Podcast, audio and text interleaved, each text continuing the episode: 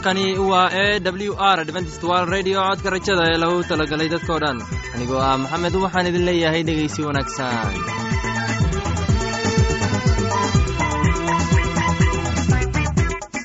barnaamijyadeena maanta waa laba qaybood. Qaybta koowaad waxaad ku maqli doontaan barnaamijka caafimaadka. Uu inoo soo jeedinaya shiino kadib waxaa inoo raacaya cashar inaga imanaya bugga nolosha. Uu inoo soo jeedin doona sulayman labadaasi barnaamija xiisaha leh waxaa inoo dheeraysa dabacsan. Oo aynu idiin soo xulnay kuwaas aynu filayno inaad ka heli doontaan. Dhegeystayaasheenna qiimaha iyo khadradda laho waxaynu kaa codsanayna inaad barnaamijkeena si aboon u dhegeysataan haddii aad wax su'aalaha qabto ama aad haysid wax talaama tusaale fadlan inala soo xiriir dib ayaynu kaaga sheegi doonaa ciwaankeenna. Bal intaynan u guudagalin barnaamijyadeena xiisaha leh waxaad marka hore ku soo dhowaataan heestan daabacsan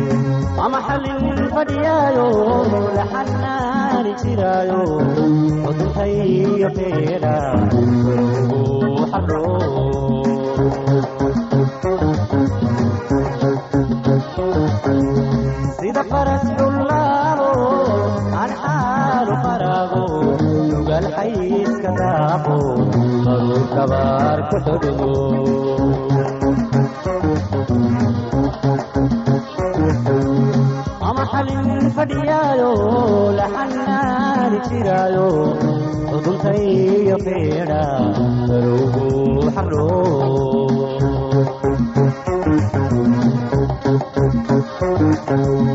wuxuu dhacsadaayo sayntu dhulka xaaqo wuxuu dhacsadaayo sayntu dhulka xaaqo oo an xajiiniyo weli mudan xasiyaquul xariif shaalkiyo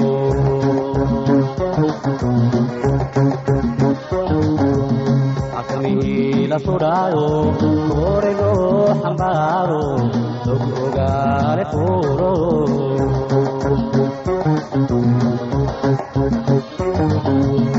wuxuu saboodada xawaarada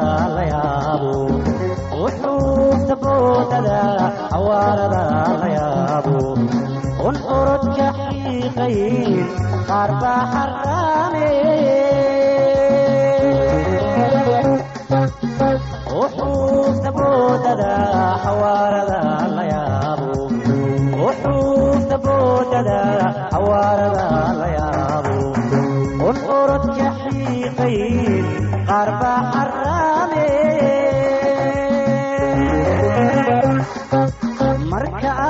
xagaagiyo xubnahaagaygaba xubnahaagaygaba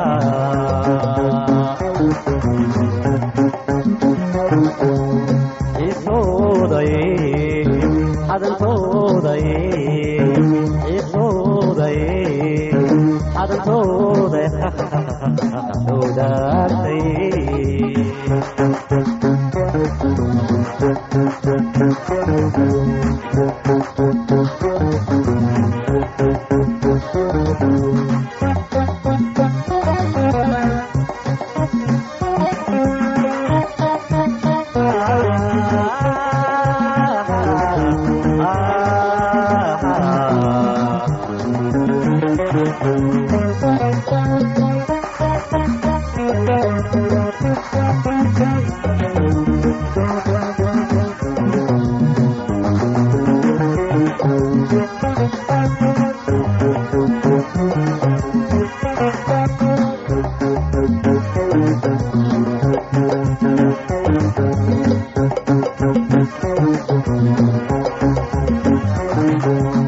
sida xiita geelo xilligii gugii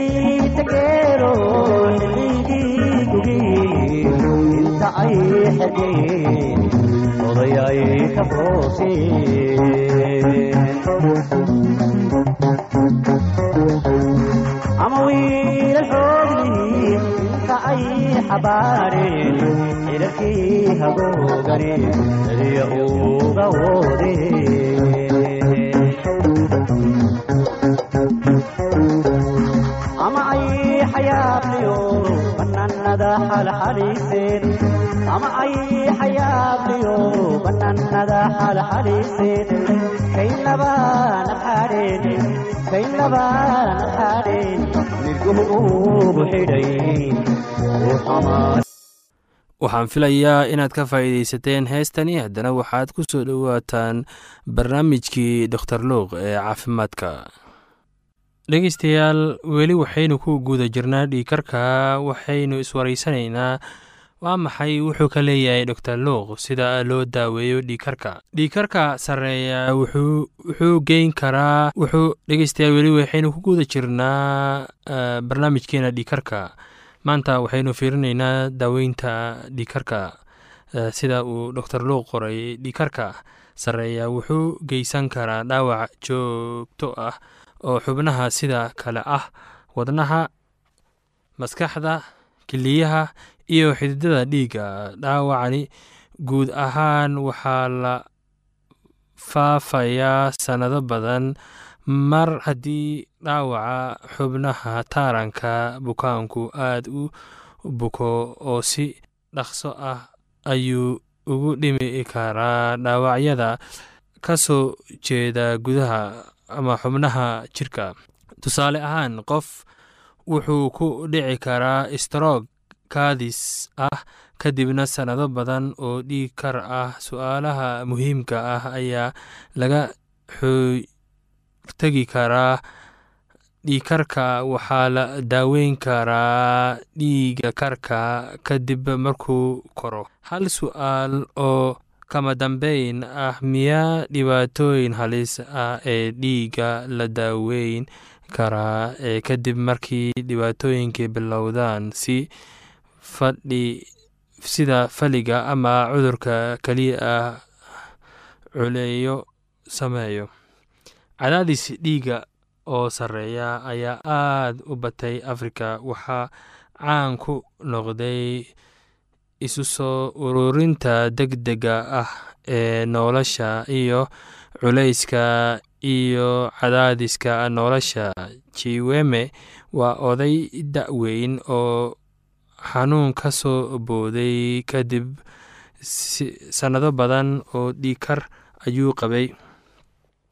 Dhibaatadu waxay ahayd inuusan ogeyn inuu qabo dhiikarka wuxuu weydiiyey dhakhtartiisu sidii dhiikarka sare looga hortegi karaa. Dhakhtarkiisu ayaa u sheegay inay haa tahay jimicsi fiican iyo cunto wanaagsan waa inuu cunaa.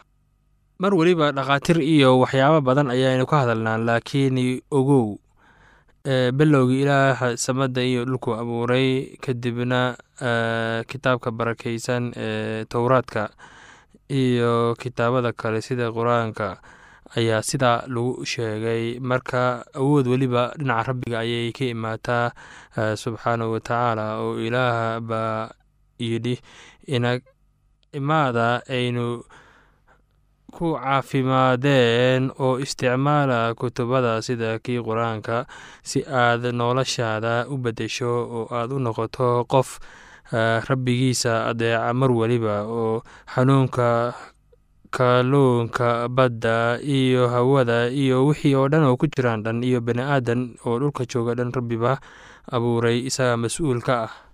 Badanaa dhakhaatiirta waxay siiyaan awood aan xaggooda jirin laakiin daaweynta cudurrada waxaa ku shaqalay rabbiga. Ilaahay wuxuu arkay wax kasta uu sameeyey oo aad bay u wanaagsanayeen marka haddii ilaahay ina abuuray wuxuu runtii leeyahay waajibaad ah inuu inoo sheego sida loo adeegsado noloshaada. Sidaasina waxay ku qoran tahay kutubka suuban ee ee qur'aanka kariimka.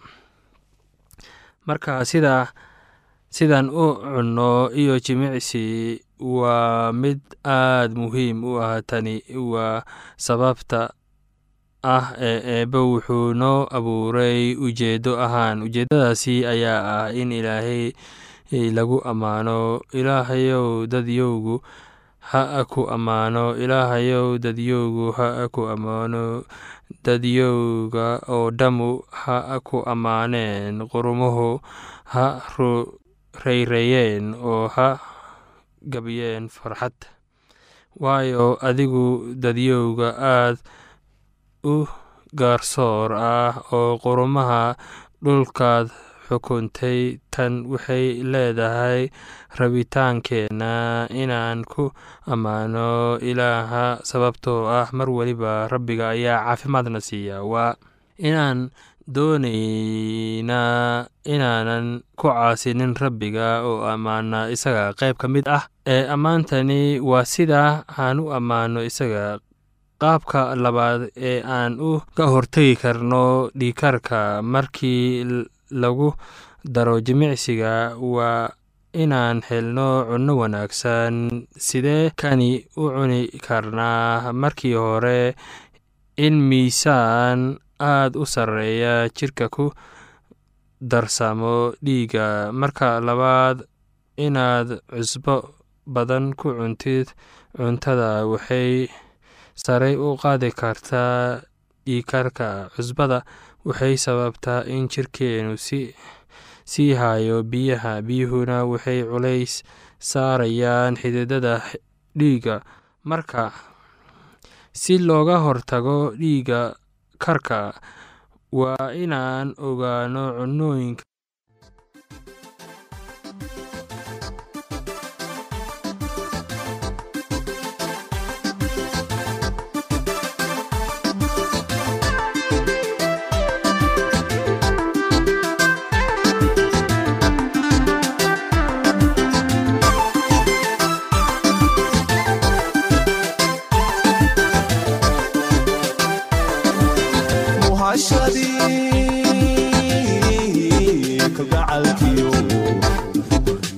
caybka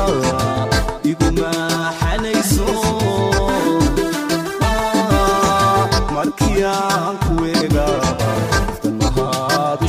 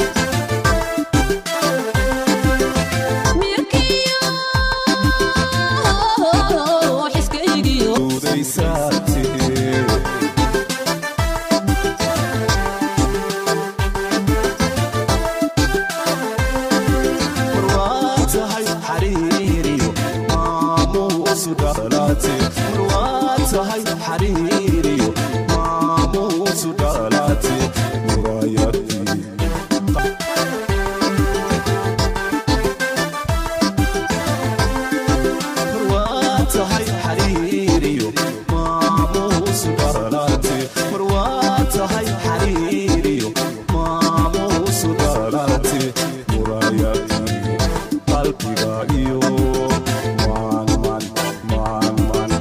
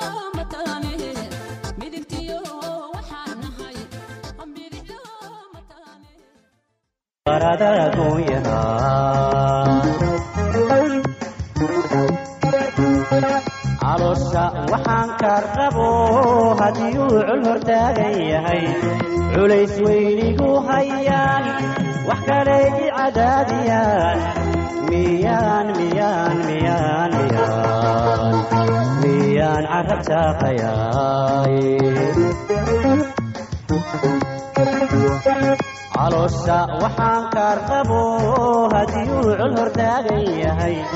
Culays weynigu hayaan wax kale i cadaadiyaan miyaan miyaan miyaan miyaan. Miyaan carab jaaqayaay igagiyada cayniska cartabada raacdadaahi caraabada joogsada calol xumoyay ku geliyeen igagiyada cayniska cartabada raacdadaahi caraabada joogsada calol xumo yay ku geliyeen cidla'aan la mudaney cawanan lagaalu bixinun sidiyo ceelkoona garanay jacaylkana ceeba badin. Jacaylkana ceeba badin. Anoqon cidla'aan la mudaney cawanan lagaalu bixinun sidiyo ceelkoona badin jacaylkana ceeba badin waxaan filayaa inaad ka hesheen heestaasi haddana waxaad ku soo dhowaataan casharkeenna inaga imaanaya bugga nolosha. Casharkeenna wuxuu ku saabsan yahay tirikoobkii ku saabsanaa reer banu israa'iil waxaana inoo soo jeedinaya sulaymaan ee dhegeysi wanaagsan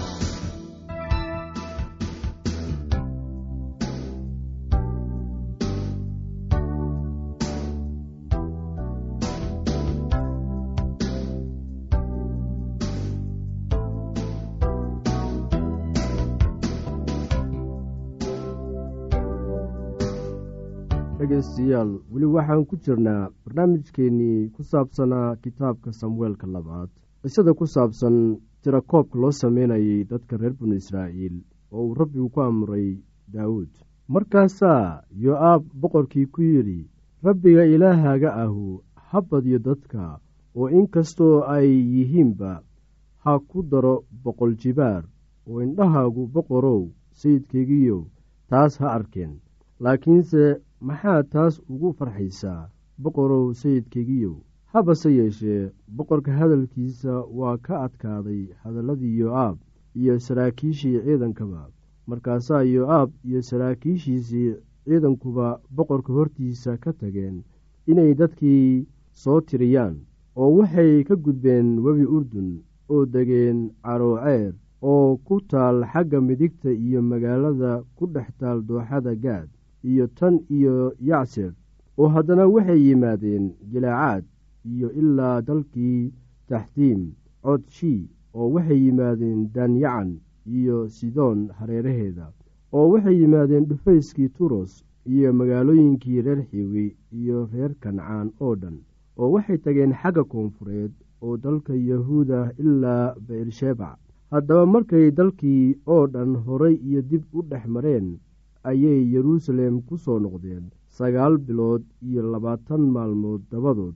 Markaasaa yo-aab boqorkii siiyey tiradii dadka oo waxaa dalka israa'iil ku jiray siddeed boqol oo kun oo nin oo seefqaad ah oo xoog leh oo waxaa dalka yuhuudna ku jiray shan boqol oo kun oo nin oo daawuudna qalbigiisii ayaa naxay. Markuu dadka tiriyey dabadeed markaasaa daawuud rabbiga ku yidhi waxaan sameeyey aad baan ugu dembaabay haddaba rabbiyow waan ku baryayaaye iga fogee dembigayga anoo addoonkaaga ah waayo nacasnimo weyn baan sameeyey. Oo markii daawuud subaxii toosay ayaa ereygii rabbiga u yimid nebi gaad oo ahaa daa'uud wax arkihiisii oo wuxuu yidhi tag oo daawuud la hadal oo waxaad ku tidhaahdaa rabbigu wuxuu kugu leeyahay saddexdan waxyaalood baan ku siinayaa ee ka dooro mid aan kugu sameeyo. Sidaas daraaddeed gaad baa daa'uud u yimid oo intuu u waramay ayuu ku yidhi toddoba sannadood dalkaaga abaari ma kugu soo degtaa. Mase saddex bilood baad cadaawayaashaada ka cararaysaa iyagoo ku eryanaya. Mase saddex maalmood baad balaayo dalkaaga lagu soo dejiyaa. Haddaba tasho oo ka fiirso jawaabta aan u celiyo kii isoo diray. Markaasaa daawuud wuxuu gaad ku yidhi cidhiidi weyn baan ku jiraa haddaba rabbiga gacantiisa aan ku dhacno waayo naxariistiisu waa badan tahay laakiinse yaanan dad gacantiis ku dhicin.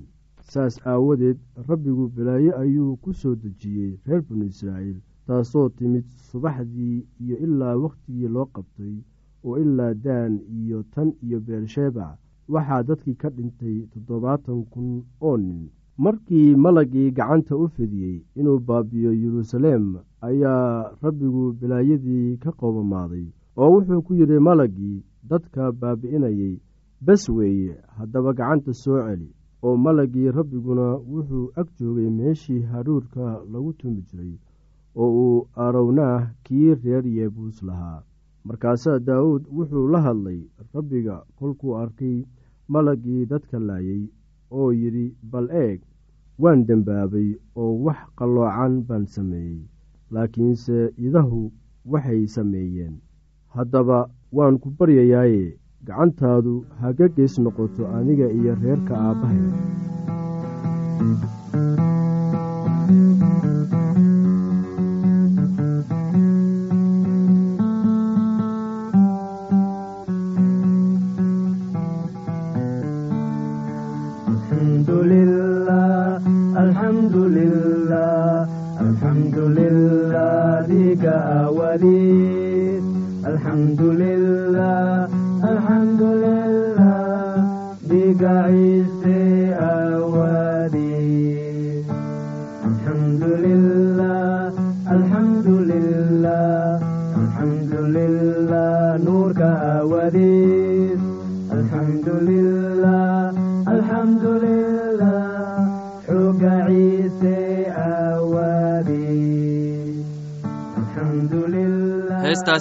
heestaasi waa hees nebi amaania laanta soomaaliga ee codka rajada waxay sidaysaa barnaamijyo kala duwan. Waxaana ka mid ah barnaamij ku saabsan kitaabka quduuska oo aan mar weliba sheegno oo ay weheliyaan barnaamijyo isugu jira caafimaad heeso iyo nolosha qoyska.